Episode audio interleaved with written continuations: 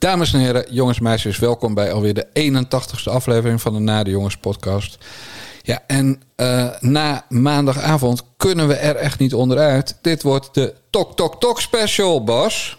Ja, het moet wel, hè, want ze heeft die haar schoollezing uh, uitgesproken. Onze Dylan Jezik Los, minister van uh, Justitie en Veiligheid. Ja, en dat leidde meteen de volgende dag, dinsdag, tot een punt van orde bij het vragenuurtje.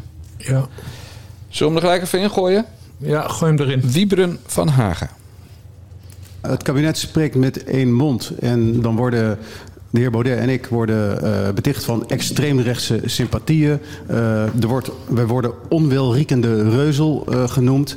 iets wat waarschijnlijk al maandenlang is bedacht in de VVD-afdeling voorlichting. Ik vind het ongepast. Ik, net als de heer... Nee, nee, maar het is echt serieus. Toen, in het laatste in het stikstofdebat drong een man met geweld mijn huis binnen. Dat was zo'n vrij emotioneel moment. Ja. Er is niets aan gebeurd. De minister van Justitie heeft niets gedaan. Nog geen telefoontje, helemaal niets. En dan wel deze polariserende uh, toon uh, uiten. Ik vind het echt stuitend. En daarom heb ik ook de brief aan de ja. voorzitter geschreven. Ik hoop dat er een passende reactie op komt. Maar ik vind ook dat uh, het kabinet, nou, dat, dat u het kabinet mag verzoeken om mevrouw Jezielkes hier uh, af te vaardigen om haar excuses aan te bieden. Want dit, dit, dit, dit is werkelijk ver de grens over. Is de term onwelriekende reuzel voor Wieberen van Haga en Thierry Baudet excuses waard, heer Paternotte? Nou, in ieder geval excuses aan Wieberen van Haga. Uh, en formeel eigenlijk uh, ook wel uh, excuses aan het Baudet zouden op zijn, op zijn plaats zijn. Want het is natuurlijk wel een minister die over Kamerleden aan het spreken is. Een Kamer waar zij doorgaans verwelkomd wordt in dat huis door diezelfde ja. Kamerleden. Uh, kijk, ik snap het punt wel, met name qua Forum voor Democratie. Hè. Daar hebben we gewoon, uh, er zitten gewoon neonazies tussen. En al die appjes zijn, uh, zijn bekend. En er zitten antisemieten tussen. maar Van Haga, ja, ik heb, ik heb geloof ik even gemist wanneer Van Haga antisemitische dingen heeft, heeft gezegd. Ja. Hè, je kan wel veel vinden van Van Haga, dat hij, hè, want hij is natuurlijk rechtser dan, dan de VVD. en hij is natuurlijk ook onderdeel geweest van Forum voor Democratie. Maar uh, oh, ik vind Wieberen van Haga nou niet echt overeenkomen met onwelriekende reuzel. Het is nee. nog een slimme vent bovendien ook. Je moet altijd de Wilders-test doen hè, met zoiets. Maar dat is? Nou, stel dat Geert Wilders in een zaaltje in Den Haag over Marokkanen zou zeggen dat het onwelriekende reuzel was. Ja, ja.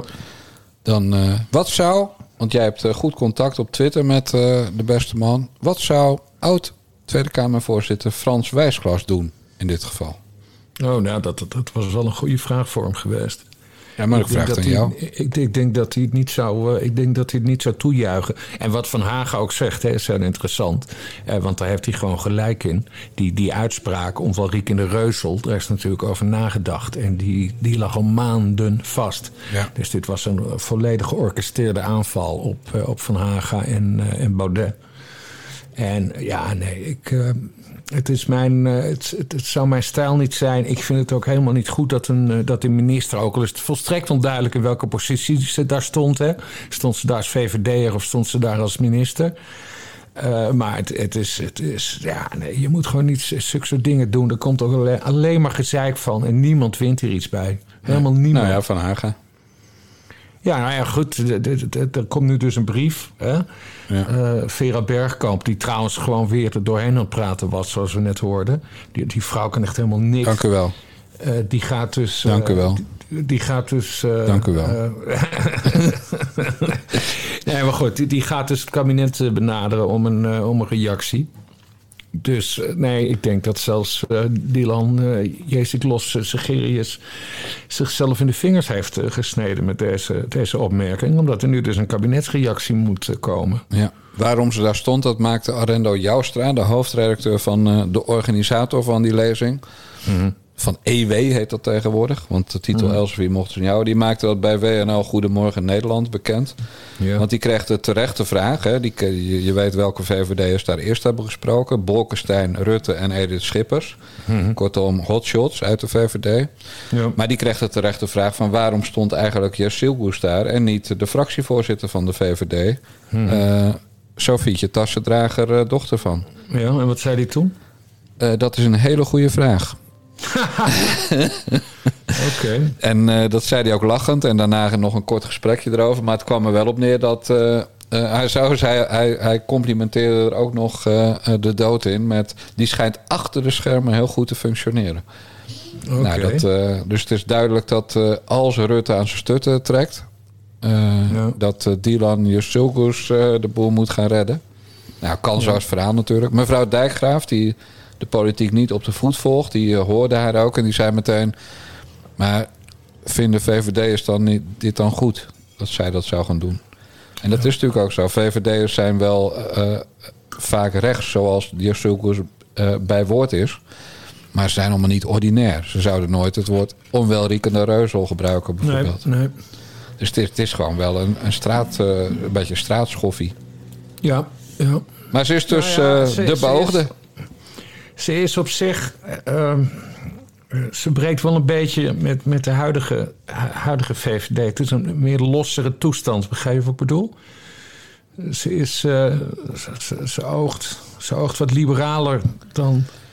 Ja, we gaan zo nog een stukje uit die lezing doen. Maar kijk, bij de VVD, eh, denk ik bij iedereen die iets anders zegt dan, dan dat de daden laten zien. Denk ik, nou mensen, pakken even het verkiezingsprogramma van 2021 erbij. Dat is pas een jaar geleden. En lees dan de paragraaf over asielzoekers. En dan zie je dat alle rechtse praat van de VVD geen woorden, of wel woorden, maar geen daden is. Nee, precies, precies. Nee, maar dat, dat, dat, dat is ook overduidelijk. Maar ik heb het puur over, over uitstraling Ja. en, en presentatie. Nee, Ja, het is gewoon heel- Verder is het overduidelijk. De VVD zegt van alles, maar ze doen het. Dan gaan ze volstrekt de andere Ja, kant op. Het is gewoon een ordinair wijf, ik kan het niet anders zeggen. Ja, ja. Tok, tok, tok, tok, tok, tok, tok, tok, tok, Ja. tok, tok, tok, tok, tok, maar Paternotte. Ja, Oh, die- Hebben die wel eens geïnterviewd eigenlijk? Nee, maar ik heb wel borrels met haar gedronken. Kreeg je dan een ei mee? Nee, ik kreeg geen ei mee. Ja, is nog een beetje gierig ook, hè? Qua, qua. ik snap hem nu pas. Ja, Ah. tok, tok, tok.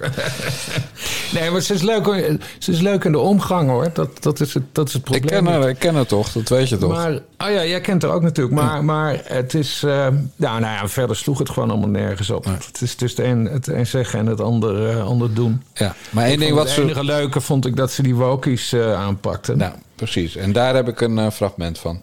Het duurt even, dus eh, je kan even pis- pissen.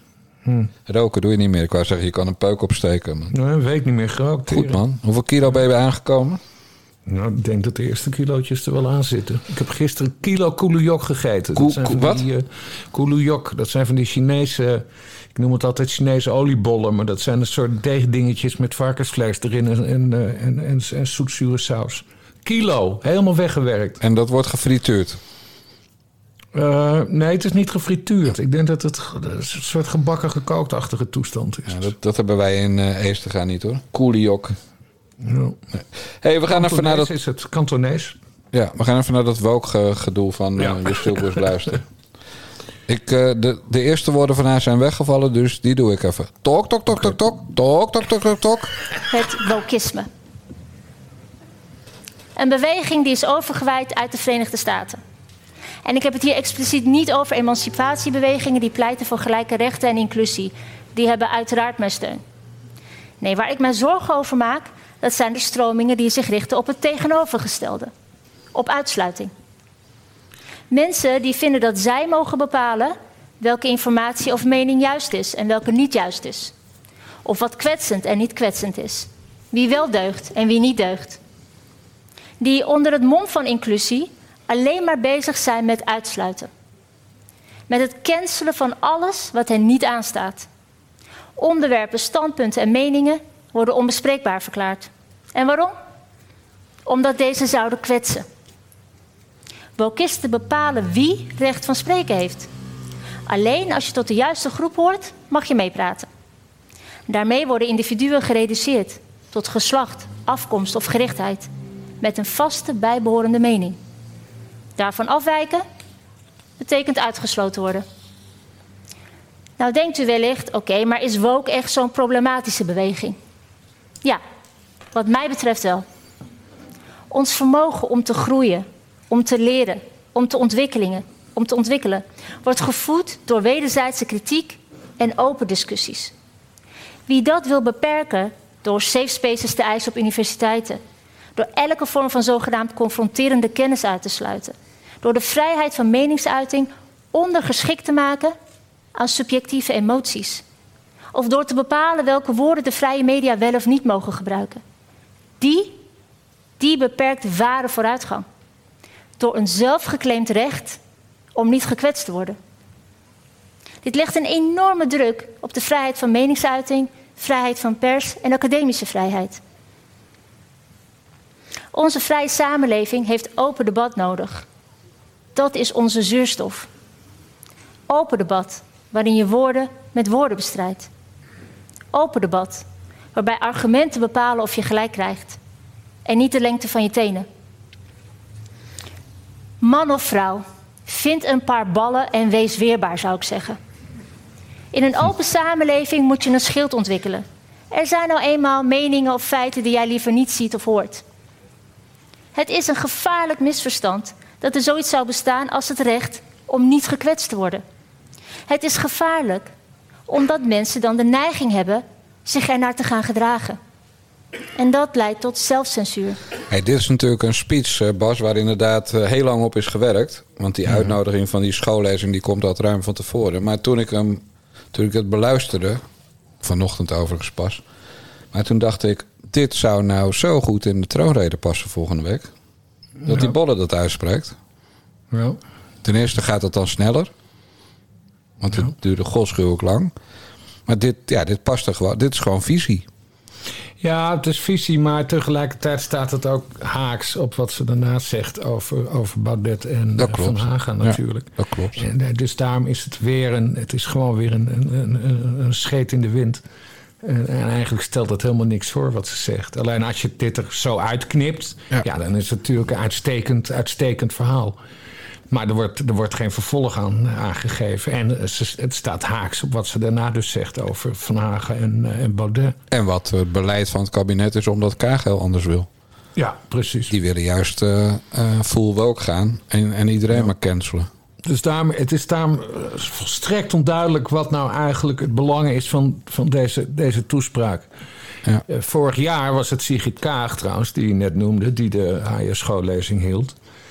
Eh, en daar was gewoon duidelijk, dit is, de, dit is het merk Sigrid Kaag, hè, wat, een, eh, wat een toespraak had. Dus dit, hè, dit geeft ons meer inzicht in Sigrid Kaag. Maar hebben wij nu meer inzicht gekregen in Dylan Jeziglos, behalve dan dat ze een extreem vervelende stem heeft?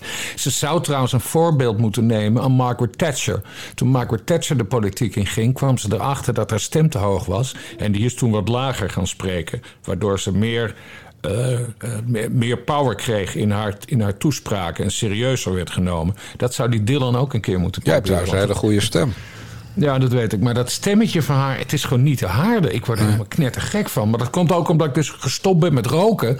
Maar dat mens moet verdorie gewoon, gewoon op een stemtraining gaan of zo. Sorry, ik liet me gaan. Nee, maar je hebt helemaal gelijk. Want het is, het is toch een beetje een, eh, een schoolmeisje uit groep 8 die een verhaal nee, zat voor te lezen. Nee, nee, nee, nee, nee, nee, nee, nee. Ja, echt, Come. on. Ja nee, maar je hebt gelijk. Kijk, wat, eh, wat natuurlijk gaat gebeuren is dat de VVD stukken uit dit verhaal... Hè, want eh grow some balls, die gaan ze natuurlijk ook eh, de komende tijd gebruiken. Dat Ja. tot 15 maart eh, gaan ze fragmentjes uit die speech rondpompen. Ja. Ook in speeches van anderen. Want de dingen die goed vielen gisteren was bijna alles. En dan, dan gaan er weer van die imbecielen op ze stemmen. Nou ja, misschien is het ook wel even een test hè, voor de VVD. Even, even die grote tenen in het, in het warme Ja. water steken. Van eh, hoe gaan de mensen in het land reageren op eh, Dylan uh, Jezig Los eh, Segerius? Ja. Nou ja, kijk, we kennen haar natuurlijk van de eerste jaren met... eh, je het aanpakken, dat tuig? Ja, Maar ja, het kwam nooit tot aanpakken. nee. En, dat, eh, en daarom... eh, maar ja, je weet hoe de mensen zijn. Nou ja, en als, en als minister van Justitie ja, eh, hebben we al iets gezien waarvan we denken: oh, dat heeft ze goed gedaan? Nou, volgens mij niet. Nou, nee. Nee, precies. En ze nam het ook nog op voor Geert Wilders. Nou, dat vond ik ook heel vreemd. Want Geert Wilders die wordt dus continu bedreigd, zoals we weten. Eh, maar ze lopen ontzettend achter bij het Openbaar Ministerie, waar zij dus de baas van is. Eh, met al die aangiftes tegen hem. Een groot deel wordt niet in behandeling genomen. Met name die uit Pakistan. Terwijl uit Pakistan, daar komen de meeste bedreigingen op dit moment. En, de, en de allerergste. Eh, dus dan, ja, dan weer, gewoon weer zo'n voorbeeld van het eens zeggen en het ander doen. Ja. Dus dan neemt ze het op voor Geert Wilders. Maar ondertussen, ondertussen doet het ministerie helemaal niks voor Wilders qua, qua die aangiftes. Want hij wordt natuurlijk wel beveiligd en dergelijke. Dat is allemaal wel in orde. Eh, maar met die aangiftes gebeurt niks. En Pakistan, wat gebeurt er met Pakistan? Ze hebben geloof ik één keer de ambassadeur eh, eh, tot de orde geroepen. Of, of, of hoe heet dat? Koffie gegeven. Een. Koffie, eh, koffie en een koekje gegeven. Eh, terwijl we natuurlijk, eh, er gaat al heel weinig eh, ontwikkelingsgeld naar Pakistan inmiddels. Maar je moet natuurlijk gewoon die ambassadeur uitzetten en het laatste restje ontwikkelingsgelden naar Pakistan ook op slot doen. En we gaan Pakistan in de band doen, net zolang tot ze mensen gaan uitleveren. Ja. En daar, en daar kan zij een rol in spelen, maar dat doet ze dus niet. Het hele kabinet doet dat niet. Nee, Ook, ook minister van Buitenlandse Zaken Wopke Hoekstra doet dat want niet. ze willen gewoon van Wilders af. Ze willen gewoon van Wilders af, ja. Ja. Niet in de zin van... eh, Nee, nee, nee, nee, nee, nee, niet, zoals bij, niet zoals bij Pim Fortuyn. Nee, nee, nee, nee. nee. Dat zou, dat ja, niet. Nee, nee, dat, dat, en toen kwam de kogel ook niet van de VVD. Was. Maar goed, Van Haga die eh, had ook wel een punt dat hij zei... de minister heeft niet eens even gebeld. Want toen bij een, andere politicus... een of andere christelijke imbeciel met een fakkel voor de deur stond... ja, toen eh, was die gast binnen drie dagen veroordeeld... tot een eh, behoorlijk lange gevangenisstraf. Ja, je hebt het nu over die man die is binnengedrongen bij eh, eh, Van Haga toen. Ja. toen hij, hij was in de Tweede Kamer aan het debatteren over het Toen werd er ingebroken, precies. En er, er werd bij hem thuis toen, eh, hij woont in Haarlem, meen ik. eh, daar, eh, daar werd een eh, beveiligingssysteem aangelegd, omdat alle fractievoorzitters tegenwoordig worden beveiligd. En zijn vrouw en kinderen die zaten in de keuken. En toen is er een gestoorde idioot eh, binnengedrongen. En de lui van de, installateurs van het beveiligingsbedrijf... eh, die hebben die man toen weten te eh, overmeesteren. Ja, daar is Van Hagen zich natuurlijk kapot van geschrokken. Ja. Want zijn vrouw en kinderen. Precies. En dan komt er een of andere idioot naar binnen rennen. Ja. Dus nee, ik begrijp... Ik, ik, met, met Baudet heb ik minder, omdat hij, omdat hij zelf gewoon niet deugt. Maar de, de bezwaren die Van Haga eh, eh, eh, tijdens het vragenuur, eh, of het was voor het vragenuur, maar uitte tegen Vera Bergkamp, kan ik volledig begrijpen. Volledig. Ja. hey, jij weet dat ik van, van pigment hou. En, en mijn pigment het liefst zo donker mogelijk kleuren elk jaar. Dus in diervoegen volg ik ook al het nieuws in Suriname vrij goed. Van onze, onze vrienden overzees. Ja. Eh, dus ik volg ook alles wat eh, Mark Rutte daar op dit moment doet. En die eh Liesje Dingersmachers. Ja, Schrijnemachers is Die- er ook mee. mee, Precies, ja. ja. Die hebben weer zo'n zo'n snoepreisje van twee dagen naar Suriname om geld te beloven. Ons geld. Ja. Want wij hebben niks gedaan, maar we kunnen wel betalen. Maar het is heel vermakelijk om, om die persconferenties daar te volgen. Eh, want als je ziet hoe, hoe journalisten in Nederland worden geknecht tijdens de wekelijkse persconferentie met de minister-president. Of hoe het in Suriname toegaat, dan merk je nogal een verschil. En het thema is: het was in Suriname, uiteraard. Ze willen geld.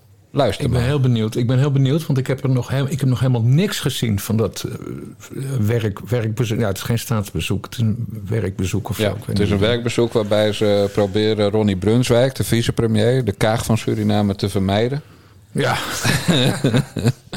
dat had ik wel meegekregen. Ja. Ja. Ronnie Brunswijk, die, eh, ja, die loopt. She- Sheila Sitalsing van de, van de Volkskrant. eh, die noemt eh, Ronnie Brunswijk de Ubertroll. De, de Surinaamse Ubertroll. Ja. Die, de- hij, is, hij is heel goed in, in het trollen van, van iedereen. Iedereen en zijn oude moeder. Voorlopig is hij in Nederland tot acht jaar gevangenisstraf veroordeeld en staat hij op de opsporingslijst van Interpol. Ja, ja. Dus ik zou zeggen, Rutte kan hem ook gewoon eventjes eh, op de grond werpen met een van de grepen die hij vroeger met karate heeft geleerd, of judo, ja. of ballet, of eh, badminton, en, eh, en hem meenemen in die kist. Maar goed, Ja. We gaan luisteren naar een journalist van wie ik helaas zijn naam niet weet, maar die ook eigenlijk, denk ik, het vak van journalist niet helemaal eh, beheerst nog. Korte vraag. Uh, goedemiddag. Uh, ik heb één vraag aan premier Rutte. indachtig de ferme veroordeling van de oorlog, in ieder geval de invasie van Rusland in Oekraïne. Indachtig het boek van meneer Jan Pronk, waarin hij de fouten, zaken die Nederland heeft gedaan richting Suriname, heeft beschreven en verklaard. Premier Rutte in 1980 heeft Nederland wederrechtelijk 500 miljoen NF uit het fonds van het Surinaams volk dat bij verdrag aan Suriname was geschonken.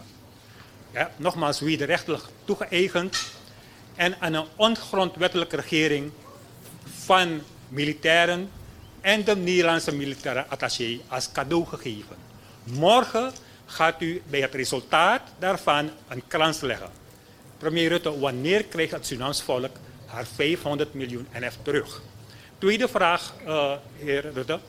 Tussen 1985 en 1992 heeft hij een oorlog in Suriname gewoed, georganiseerd en gefinancierd vanuit Nederland. Daarbij is een groot deel van onze economie kapotgeschoten. Is er ook daarover gesproken hoe dat vergoed gaat worden? Dank u wel. Daar... Yes, dank u. Heer Rutte. Dank voor deze uh, vraag. Uh, ik heb al gezegd, uh, als je kijkt naar het verleden tussen Nederland en Suriname, dan uh, zitten daar heel veel mooie kanten aan. Maar er zijn ook zaken die we natuurlijk met elkaar hebben te bespreken over het koloniale verleden voor 1975, uh, over de slavernij en allerlei andere aspecten die we met elkaar hebben te bespreken.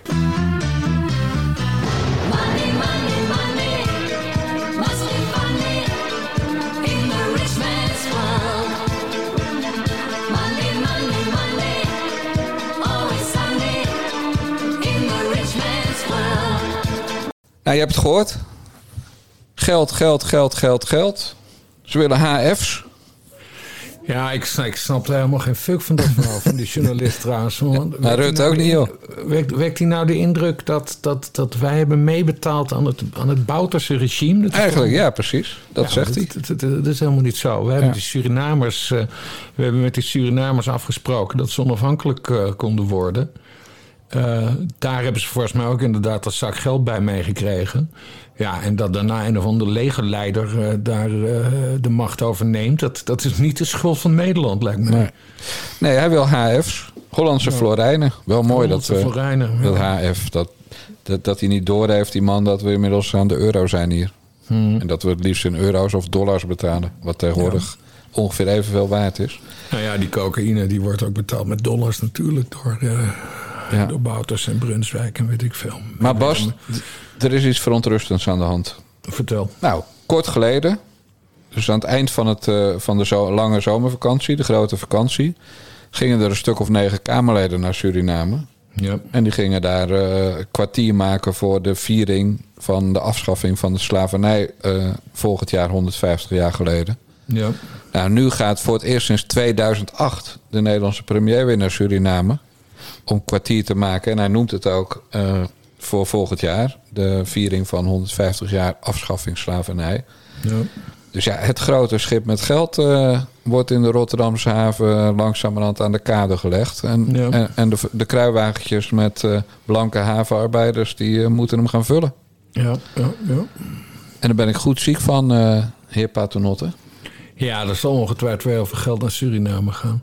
Uh, weet je welke partij trouwens een hele grote Suriname-paragraaf in zijn uh, partijprogramma heeft staan? Ik heb geen flauw idee. Vorm voor Democratie. Oh, en willen die storten? Ja, die willen heel veel handel gaan drijven met Suriname. Dat komt omdat die Jernas Ramartausing, die heeft een uh, Surinaams-Hindoestaanse achtergrond.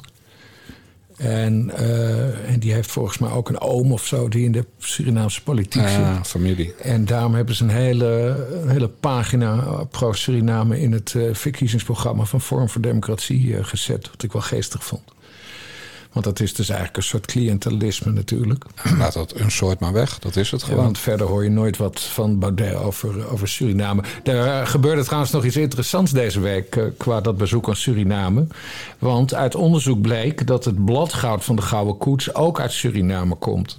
Ja. En dat is bijeen, wat trouwens in Amsterdam nu uiteen aan het vallen is. Want er is sprake van racisme binnen bijeen. En mogelijke fraude. Tegen zwarte mensen. Ja. Echt serieus. En, eh, en er is sprake van, van fraude, zowel financieel als bij het samenstellen van de kieslijst. Hoe dan ook.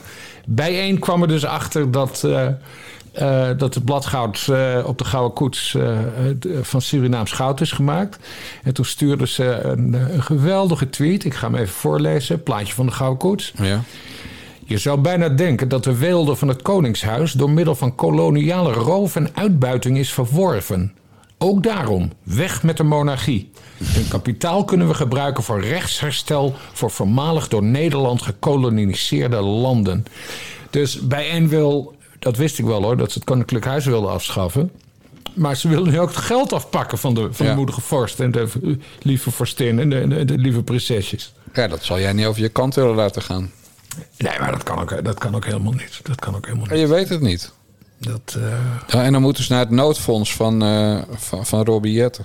ja, En, ja, eh, en de minister voor Armoede. dan moeten ze naar de voedselbank. Ja. Nee, maar het is toch geweldig dat bijeen dat het, echt gelijk koninklijk huis afschaffen, Ja. geld afpakken. Wat zijn dat voor gekke commies? Omdat- Dat ze hun eigen partij om naar de kloot aan het gaan is. ja, omdat iemand ooit een beetje bladgoud uit Suriname op die kist heeft geplakt. Ja. Die koets. Die koets. Ja. En die staat nu mooi in een museum, toch? Ja, die dus is- dus iedereen die overkomt uit, eh, uit Suriname, die kan naar het museum en, eh, ja. en die voor- bezichtigen. Hij is voor miljoenen gerestaureerd en vervolgens wordt er niks meer mee gedaan. Ja, Want er zijn- ook bruine meneren te zien op de afbeeldingen. bruine mensen. Waarvan is trouwens die, zijn die gezichten en die handen en zo bruin gemaakt? Wat, wat voor edelmetaal is daarvoor gebruikt? Oh, geen idee. Geen Poep. idee. Jans en poep. Heb je daar trouwens geen last van nu je niet meer rookt? Dat je, dat, dat, dat je, dat je afgesloten bent aan, eh, aan de onderzijde?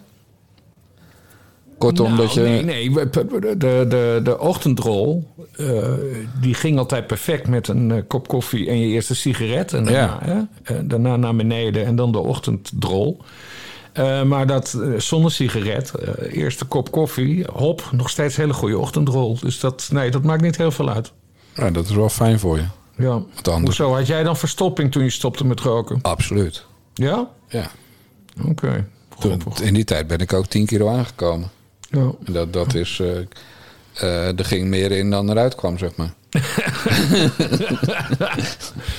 Oh man, we zijn echt een beetje afro-service salon aan het worden. Nou, ik denk meer, hoe vertel ik nou subtiel hoe ik over die lui van B1 denk? Nou, dat heb Ja. ik toch maar mooi voor elkaar gekregen... zonder Ja. dat ik gecanceld word en, Ja, en, heel en, goed, heel goed. en vermoord door wokies en alles. hey, eh, vlieg jij nu wel eens eigenlijk nog? Nee, hè? Nee, nee. Het was weer bal op Schiphol. Eh, en is vandaag ook weer bal op Schiphol. Dus, want vorige week is namelijk de toeslag voor de beveiliger... of voor, de, ja, voor die mensen die daar werken... de bagagemensen en zo... is de, de, de zomertoeslag is afgeschaft op maandag. Vorige week. En vorige week maandag was het een bende. En deze maandag en dinsdag was het weer een bende. Ja, die mensen die, eh, die zijn hun 5 euro zoveel extra per uur kwijt. En die zeggen, steek hem maar in je reet, die baan op Schiphol. Ja, echt. Ik ben hier wel boos over. Laat eerst maar dat fragment horen en dan, Ja. en dan gaan we het over hebben. We gaan- het is echt heel erg wat er gebeurt op de nationale luchthaven. Precies. We gaan horen hoe Iteke de Jong van de Telegraaf erover denkt. Die heeft een betere stem namelijk dan... eh tok, tok, tok, tok, tok. Nou ja, het is eh, dramatisch. Het is een nieuw die- dieptepunt in Jij de kent de al Vries. ja, maandenlange durende chaos. Eh, nog niet eerder heeft Schiphol op een zo laat moment gevraagd aan luchtvaartmaatschappijen om eh, te annuleren. Hè, eh, het is wel eerder gebeurd, maar dan zeiden ze dat eh, twee weken van tevoren, bij wijze van spreken. En je ziet nu vandaag dat eh, er is kennelijk echt geen doorkomen aan, omdat er niet voldoende personeel is bij de beveiligingspoortjes. Weet je wel, waar je je spullen in eh, die bakken moet doen. Ja. En kennelijk loopt het nu zo op dat, dat het gewoon niet meer, dat mensen hun vluchten gewoon massaal niet meer halen. Maar goed, het basale probleem is natuurlijk dat er gewoon niet voldoende mensen zijn. Hè? Want je moet je voorstellen, Schiphol heeft het aantal vluchten ook al verlaagd ten opzichte van wat eigenlijk normaal zou zijn. Ja, Dus ja. dit komt daar nog een keer bovenop. Dus ja, eh, het is gewoon één grote chaos. Er is gewoon geen touw meer aan vast te knopen. De superlatieven zijn bijna op voor deze Peppi en Kokkie luchthaven. Ja, Peppi en Kokkie luchthaven. Ze zeggen het toch maar. Ja, goed verhaal. Nee, maar het is toch absurd. Gewoon, de, de, de, de, zomer, de zomerdrukte is voorbij en, en nog steeds staan er fucking lange rijen.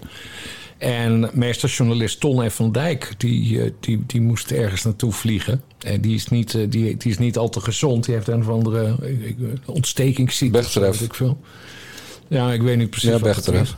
Ja, maar wat is dat? Ja, dan is zo aan je gewricht of aan je gewricht of aan, aan je kraakbeen. Maar in elk ja, geval nou je ja, goed, die pijn. Ton F. van Dijk, die arme man, die, die, die staat dus, er moet een uur in zo'n rij staan. Terwijl Ja. hij dat helemaal niet kan, want hij kan niet langer dan een half uur staan, begreep ik.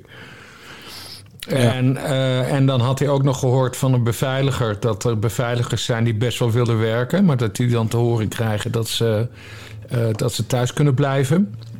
Daar werd tijdens het, in het vragenuur deze week ook aan gerefereerd. En hoe heet die? Mark Harbers, eh, VVD, is, eh, is verantwoordelijk voor Schiphol. En die wist eigenlijk ook niet hoe dat zat. En hij zei, ja, er komt een extern onderzoek. Dus nee, het is nog steeds één grote fucking bende. En, en, en waarom die Dick Benschop daar nog zit, wat is dat voor waanzin? Ja, voor bijna 7 ton per jaar, hè? ja, ja. Ja. ja. En ze doen, dat doet Harbers wel knap. Hij doet net alsof het allemaal zijn, alsof hij er niks mee te maken heeft. Ja. Maar we mogen natuurlijk niet vergeten dat Schiphol voor 90% van, van de staat, de gemeente Amsterdam en de gemeente Rotterdam is. Ja, Het is gewoon een staatsbedrijf. Ja. Alleen ja, het functioneert eh, eh, ja, ongeveer eh, En, dan, en dan blijkt ook nog dat ze een, een, een hele nieuwe pier erbij wil. ja, voor 1 miljard. Ja. Ja. Eh, Wat what the fuck? Je, eh, wie moet er daar dan gaan werken? Wat, Ja. wat is dit voor waanzin? Waarom, waarom, waarom, waarom regel, regelen ze hun zaakjes niet goed? Nee, die, die, die Dick Benschop. Maar dat, dat zei Henk Otte twee maanden geleden al. Want die begon erover. Hè, senator Henk Otte. Eh, die zei van, ja, die Dick Benschop die moet opdonderen. Er moet gewoon iemand, iemand gaan zitten met verstand van zaken... Ja. Die, die, die dit gaat oplossen. Dat Schiphol is één grote bende. En ze laten de oorzaak, P vandaar je Dick, Dick Benschop... laten ze gewoon zitten. Ik, ik, snap, ik snap het echt niet. Ik snap het echt niet. En, en hè, het kabinet verliest er helemaal niks bij door Dick Benschop te ontslaan. Want de PvdA zit toch niet in de coalitie. Dus, dus je krijgt geen scheve ogen dan. Er moet, ik, zou, ik, zou, ik zou niet weten wie hoor, want ik, ik, ik heb er te weinig verstand van. Maar er moet, er moet in Nederland iemand beter zijn dan Dick Benschop. Misschien, misschien moeten we Jan Remkes ook gewoon, gewoon Ja, Schiphol. van Schiphol niet? maken. Ja, dan, ja. dan krijgt hij korting op zijn reisjes naar Thailand voortaan. ja. Want Jan Ja. Remkes die kan, wel, die kan wel dingen oplossen. Ja. En het is natuurlijk ook helemaal niet zo ingewikkeld. Die 5 euro zoveel toeslag was eraf van die 12 euro die ze hadden. Dus dat was ook een, echt een keurige, forse toeslag.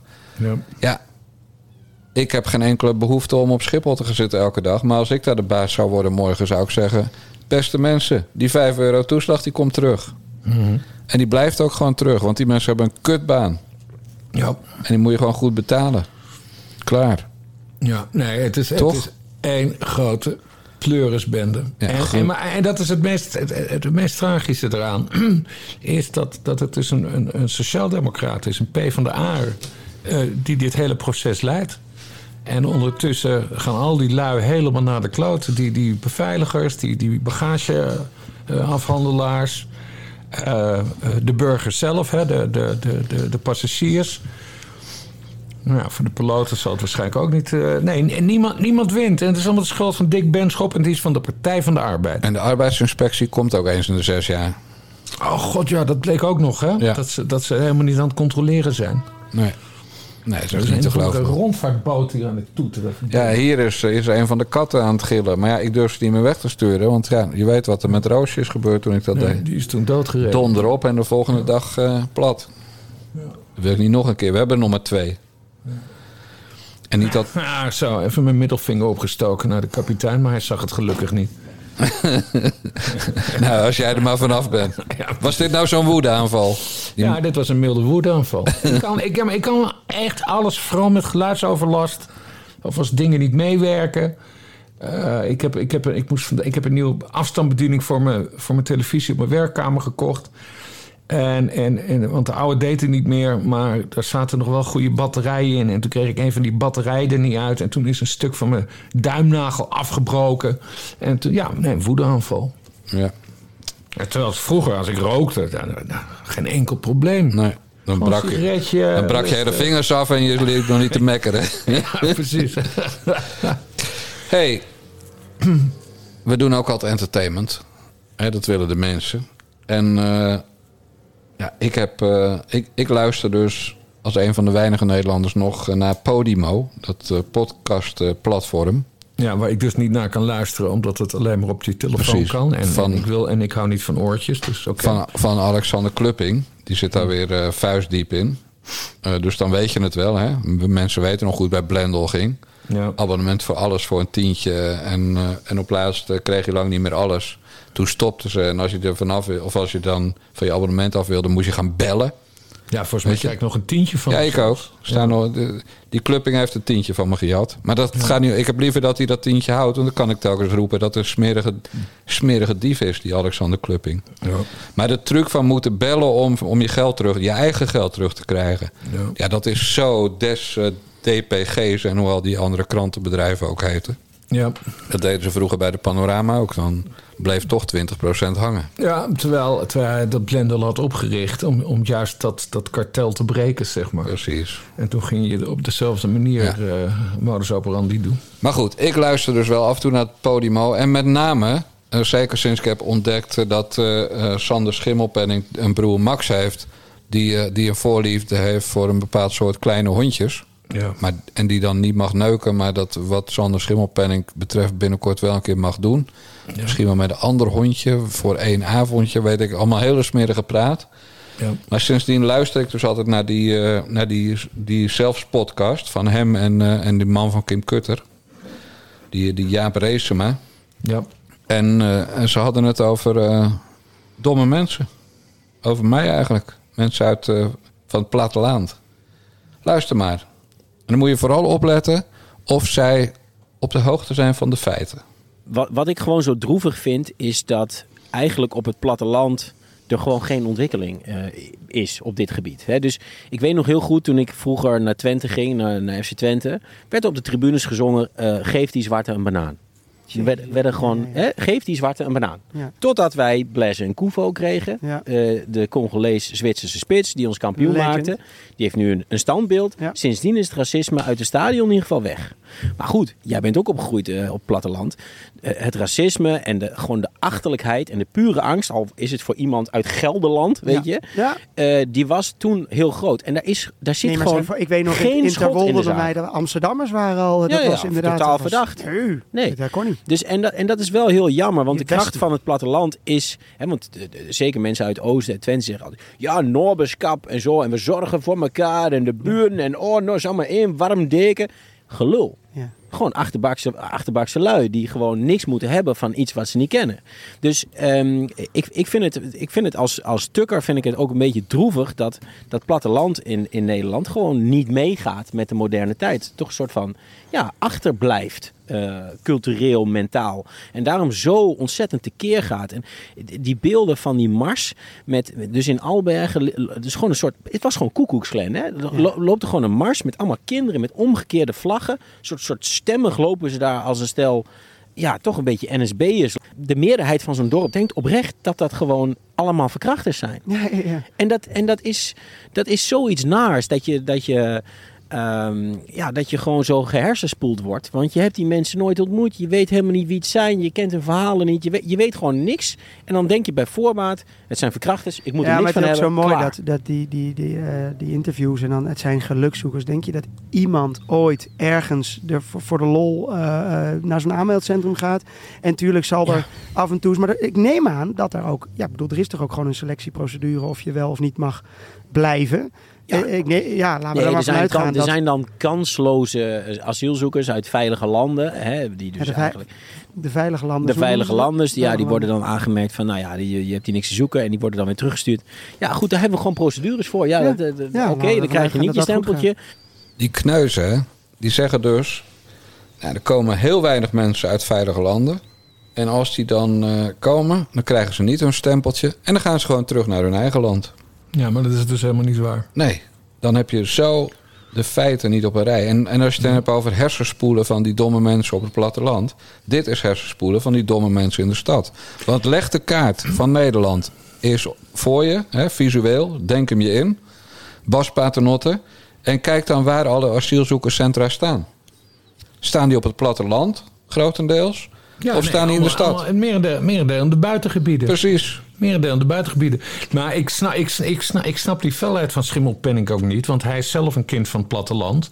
Hij komt dus, wat hij zegt, uit, eh, uit, eh, uit Twente, waar dat, eh, dat familiekasteel van hem staat. Maar die is, die is gewoon met boeren naar school gegaan. Ja. Ik, ik ben zelf dus iets, ik ben iets ouder dan hij. Ik weet niet eens hoe oud hij precies is, maar zegt dat hij vier, vijf jaar jonger is. Maar hij is een stuk jonger is Ik ben, ik ben opgegroeid in uh, Drachten, Friesland. Um, en kwam ook veel in de. Uh, Drachten is een, is een heel groot dorp. Zeg maar altijd rond de 40, 50.000 inwoners. Dus een klein stadje zou je kunnen zeggen. Maar ik kwam ook veel, uh, omdat ik padvinder was, uh, kwam ik in Beesterswaag en, en, en, en, en, liepen we door de wouden en, en kwamen we bij boeren langs en weet ik veel. Ik heb eigenlijk nooit iets van racisme of discriminatie in Friesland uh, gemerkt. Ook niet, hè. Ik heb op de MAVO gezeten daar, ik heb op de HAVO gezeten daar. ik heb e-, echt nog nooit iets van racisme of discriminatie op het platteland gemerkt. wat Schimmelpenning doet, vermoed ik, is hij gooit nu een paar dingen bij elkaar. Uh, want je hebt dus uh, die enorme ontevredenheid bij die boeren over het stikstofbeleid. Hè, vandaar ja. de omgekeerde Nederlandse vlaggen, waar ik uiteraard op tegen ben. Uh, Kinderen nou, Klukloos noemen en NSB'ers. Vervolgens, vervolgens komt er dan in zo'n buitengebied, weet ik veel, in een gemeenschap van 1500 man, uh, worden dan 300 asielzoekers geplaatst. Ja, daar zou ik ook heel erg zenuwachtig van worden in zo'n kleine, kleine gemeenschap. Uh, maar hij gooit dat dus, dus dat, dat ongenoegen. En er is sowieso een algeheel ongenoegen. Hè. Kijk ook naar de energiecrisis. Dus je hebt energiecrisis, je hebt, je hebt uh, stikstofcrisis. Vluchtelingencrisis. Je, je, hebt asielcrisis. Nou, dat komt allemaal samen op dat platteland. Omdat al die asielzoekers daar worden gehuisvest. Uh, ja, ik snap wel dat, dat mensen dan boos worden. Hè, ik ben dan niet voor dat wat, wat tijdens de eerste uh, uh, asielcrisis was in 2015. dat je dan allemaal van die types hebt die in zo'n sporthal beginnen te schreeuwen: negers oprotten. Nee. Uh, maar het ongenoegen, ik, ik, ik snap dat wel een beetje. En Schimmelpenning, die weet dat als geen ander, omdat hij zelf ook op het platteland is uh, opgegroeid. Dus ja, er spreekt een soort dédain uit. En ik vind, ook niet, ik, ik vind het ook niet bij hem passen, omdat hij hè, de afgelopen anderhalf jaar, twee jaar. En met dat thema over ongelijkheid bezig is. Hè, met documentaires, er komt binnenkort een manifest. Uh, hij spreekt er vaak over in die, die podcast. Uh, ja, ik weet niet. Het, het, het, de, de graaf is hier. Uh, hij draaft een beetje door. Ik vind het ook niks voor hem. Want je weet, ik ben zelf verklaard fan van hem. Ja, maar daarom laat ik ook vanaf nu gewoon elke week een stukje uit die zelfspodcast horen. waarin ze weer in de fout gaan. Ja. Want waar, Bas Paternotte, werden in de Tweede Wereldoorlog de meeste Joden opgevangen? Die vluchten voor de verraders in bijvoorbeeld Amsterdam. Ja, het platteland hebben we het nu al. En met name het Friese platteland. Ja, maar goed, het merendeel werd wel gewoon afgevoerd naar de kampen. Absoluut, ja. Nergens zoveel als in Nederland. Nee, precies. Omdat er mensen waren als Sander Schimmelpenning die zeiden... Nee, dat gaat veel te ver. Ik neem afstand van die uitspraak nu Ik heb nog niks gezegd. Nee, maar ik neem toch al als... Die zeiden, goh, wat zielig die joden. Kunnen die niet op het platteland? dus waarom jij daar nou afstand van neemt van die oh, uitspraak? Oké, oké, oké. Dat zou hij toch gezegd hebben? En met platteland bedoelde ja. hij niet het kasteel van papi en opa. Nee, maar... Hij bedoelde natuurlijk bij die stomme boeren waar hij zo, uh, zo op neerkijkt. Ja. Nee joh, en, en hij moet gewoon zijn smoel houden over de boeren. Want hij heeft huizen in Kroatië. Hij heeft minimaal één huis in Zweden. En hij is daar een nieuw huis aan het bouwen. En hij heeft in Amsterdam nog wat pandjes. Minimaal één, maar waarschijnlijk meer. Dus hij reist zich helemaal de tyfus door Europa. Ja, maar daar is, toch, daar is toch niks mis mee? Nou, wel als je over stikstofuitstoot van de boeren gaat lopen mekkeren. Ja. En CO2-uitstoot. Ja, maar hij had het hier primair over racisme en discriminatie. Ja, maar hij heeft elke keer een nieuw thema. En dan wordt, dat komt allemaal in zijn boekje, zijn manifest. Dat zal allemaal ja. wel. Ja, ja. Maar hij heeft... Kijk, onze energierekening is ook schandalig hoog. Maar omdat mevrouw Dijkgraaf een goede baan heeft... en ik, eh, dankzij de Nare Jongens podcast en mijn eigen donaties en zo, het ook niet echt slecht heb. Ja, oké, het is kut, maar we kunnen er wel mee leven. Ja, en we gaan bij- meer op hout ons- Bij ons is de energierekening dus praktisch gelijk gebleven. Dat komt omdat mijn vrouw eh, dat allemaal heel slim heeft Ja, af, ja, eh, ja. afgehandeld. Eh, alleen volgens mij gaat het 2023 moeten we een nieuw contract afsluiten. Ja, Dus dan ik ben ben wel benieuwd wat er dan gebeurt. Dan ben je de Sjaak. Maar waar het me om gaat is... eh, als je niet zoveel last hebt van de ellende... en als je niet letterlijk wakker ligt van... Kan ik, eh, moet ik kiezen tussen eten of eh, warmte? Hè, letterlijk. Of eh, ga ik naar RTL luisteren en ga ik koud douchen? Want dat is, dat is heel goed om een rekening te verlagen. Ja, stoppen met ademhalen ook klootzakken. Maar dan, maak je, dan, dan heb je makkelijk lullen. En Schimmelpenninck heeft nog makkelijker lullen dan jij en ik. Ja. Dat is mijn stelling. Ja, maar dat, Dus dat moet je ben niet ik doen. het wel met je eens. Want kijk, de, de keuze die, die misschien wel een miljoen Nederlanders binnenkort moeten maken... eten of warmte... die keuze hoeven wij niet te maken. Omdat wij, eh, omdat wij toevallig in een vak zitten waar we gewoon... hoe slecht het ook gaat met het land... er zijn altijd stukjeschrijvers nodig.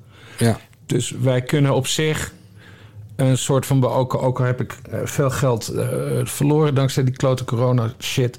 Maar wij, wij, wij kunnen nog op een normale manier eh, eh, doorleven. Eh, maar dat wil niet zeggen dat ik neerkijk op die miljoen mensen... die waarschijnlijk naar de kloten kunnen gaan. Of die potentieel naar de kloten kunnen gaan. Minstens, ja. En, eh, en dat is een verschil met Schimmelpenning. eh, die het ook gewoon prima doet. Maar hij kijkt er wel op neer. En ik vind, dat, ik, ik, ik vind het ook atypisch voor hem. Want zo, zo heb ik hem nog nooit meegemaakt... in al die podcasts die ik wel heb kunnen luisteren... voor die Podimo shit begon. En zijn eh, artikel in de Volkskrant. Het is, nee, het is een atypische, het is een atypische Schimmelpenning. Nou, daar zit jij dus naast. Jij hebt, eh, jij hebt gewoon die, die, die Asja ten Broe- Broekenbril... die ruil jij altijd in op het moment dat je schimmelpeen ging luisteren... of lezen voor een roze bril. En dan luister je alleen maar naar wat je, wat je, waar je het mee eens was. Maar je hebt nooit goed tussen de regels doorgeluisterd... dat hij, ja, hij vindt jou ook eigenlijk maar dom rechts, Bas Paternotte. Want iedereen die het niet met hem eens is, is dom rechts. En als je nou gewoon zegt rechts, oké, maar dom rechts. Ja, ik ken zoveel dom linkse mensen... Ja. Een van de dingen in hun podcast was ook dat links niet demonstreert. Nee, die rechtse die mensen gaan allemaal demonstreren. En links demonstreert niet. Nou, dat zegt hij ongeveer op het moment dat, dat er weer een stel van die debielen van Extinction Rebellion ergens. Zelf vastplakken aan, Precies. eh, aan het asfalt. Ja. Of, a- of aan de, de beurs in Londen. Weet je? Ja. Dus links protesteert wel degelijk. Alleen rechts doet het buiten werktijd. En links verspreidt het meer omdat links niet werkt. Ja. Die, die willen, eh, net als Santokki in Suriname, gewoon eh, duitjes eh, HF's van Rutte. Ja. En, en euro's mag ook. Ik ben sowieso tegen demonstraties, of ze naar links of rechts Ja, ja, zijn. dat is wel bekend. Ja. Goed. Ben je nog boos geworden dit, dit uurtje? Eh, Kan ik nog iets doen dat je boos wordt? nee, nou nee, de, de, de woedemeter die sloeg het hoogst uit eh, bij, bij Schiphol, denk ik. Ja. Ook dat verhaal van die armen. Die, ach, verdomme, ik word er weer boos van. Och, och, och. Die arme wat? Ja, kom, hoe heet hij nou, waar we het net over hadden? Heb ik zijn naam uitgesproken, ben ik hem direct vergeten natuurlijk. Ton van Dijk. Oh, Tonner van Dijk. Ja. Met, Ja. met zijn fucking handicap. eh, en dan komt hij op Schiphol. En dan, en dan, en dan ziet hij gewoon twee kilometer eh rij staan. Ik vind dat zo schandalig. Ik vind het echt schandalig. Ja, als je trouwens- schop, man. Rot op, man. Neem je verantwoordelijkheid. Sodemiet erop. Wegwezen. Fort. Mijn broertjesjaar vandaag. Dat is Gefeliciteerd, wel- man. dat- ja, hij wilde dat ik dat in de podcast zei. Dus dat, Oh, echt? Ja, 42 is Wil jij dan tegen jouw broer ook zeggen dat ik jaloers ben op zijn kapsel? ja, mensen, want wij gaan natuurlijk niet zeggen hoe je de broer van Bas Paternotte kan vinden. Maar het, het kost wel enige moeite. Hij is, hij is namelijk eh, het is, hij is iets minder fervent op social media dan zijn grote broer. Ja. Eh, zeg maar bijna niet. Maar ik had hem wel binnen een half uur gevonden. En het gekke is als je een foto ziet.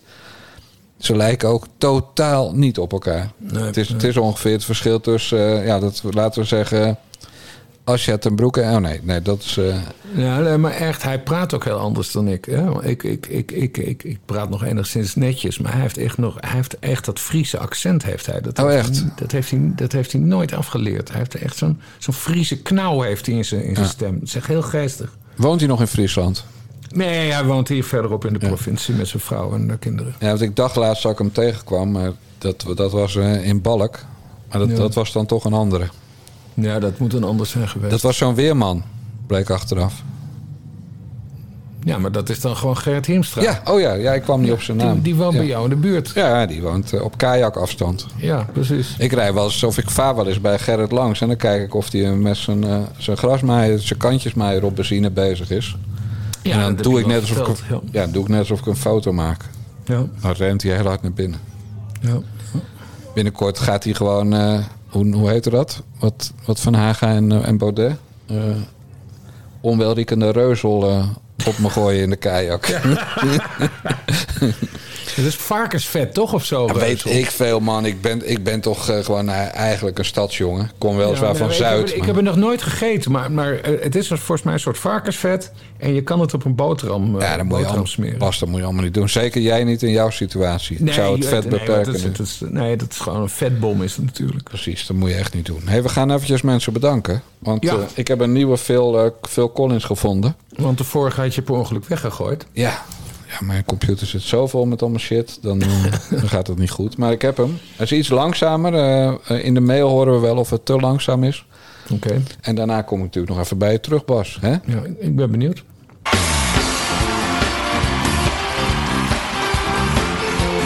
Michel, bedankt. Henk, bedankt.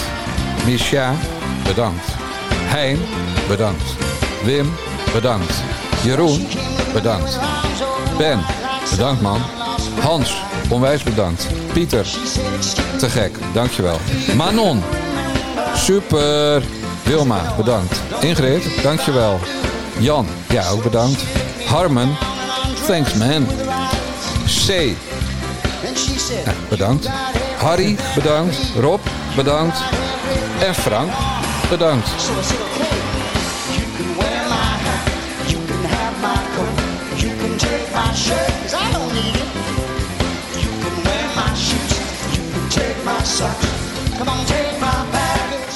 Ja, dat is heel lief hè, dat die mensen allemaal de afgelopen week eh, abonnee zijn geworden op eh eh, petjeaf.com slash naar de jongens. Ja, op Ehm, de duizend.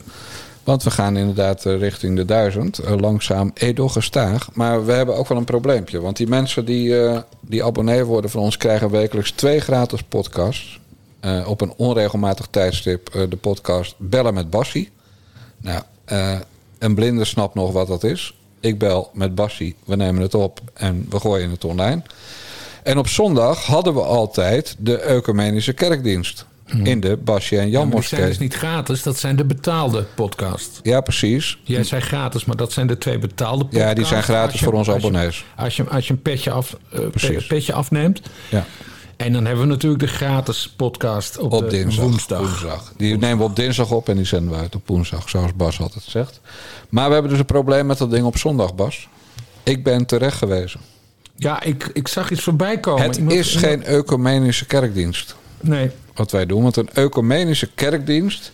die gaat tussen, eh, ja, laten we zeggen... hervormde en zware hervormde en licht hervormde.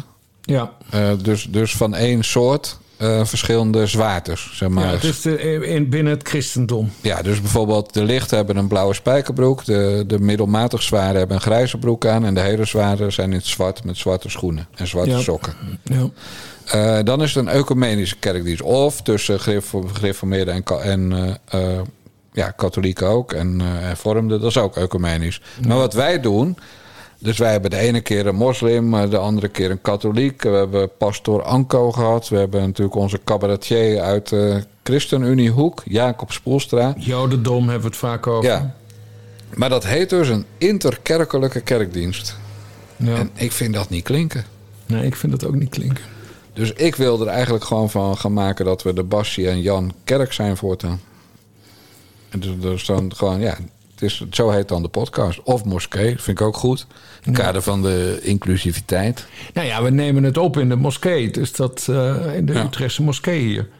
Dus dat, dat, dat moskee, dat blijft sowieso Als staan. een zaaltje achter bij Slager Pietersen aan de Ja, gracht. maar we kunnen, ja, nou ja, interkerkelijke kerkdienst. Ja, Dat klinkt toch niet? Het klinkt voor geen meter. Nee. Intervervoer, eh, vervoer, intervervoerlijk vervoer of zo is dat. Dat klinkt gewoon kut. Dus wij moeten daar iets aan doen. Maar het concept van de kerkdienst blijft wel overeind. Want ik heb ook eh, inmiddels een tip gekregen dat er twee eh, allochtone cabaretiers, niet zijnde Soendos Alama, die eh, er nog zijn, die we kunnen uitmelken. Als Oké. Jacob Spoelstra geen nieuw materiaal heeft. En zijn dat dan ook moslim-cabaretiers? Nee, totaal niet. Oh, Maar goed, wij zijn een interkerkelijke kerk. Bij ons Ja. zijn alle gezinten welkom. ja. Zelfs eh, Thierry Baudet komt wel eens in onze kerk. Dus we zijn ook voor sectes Ja. gewoon open. Maar goed, beste mensen. Dit was aflevering 81 van de Na de Jongens podcast van Niva Radio. Onze website die we nooit bijwerken is nivaradio.nl. Abonneren kan dus via petjeaf.com slash Jongens. Voor 4 eurotjes per eh, maand. Dus dat is 1 euro per week. Krijg je twee extra podcasts exclusief voor abonnees. En zeker in die kerkdienst eh, sparen wij en niemand. Helemaal niemand. Dus dat is eh, de moeite waard. En zoals Bas altijd zegt, we nemen het op dan en we zenden het dan uit. We nemen het op als Max Verstappen rijdt. Godverdomme. Dat wil hij niet zien omdat hij geen abonnement heeft. En we zenden het vlak daarna uit. Als Max Verstappen gewonnen heeft. Dat is ongeveer de routine. Dus ik zeg eh, Bas, mazzel. Doei doei.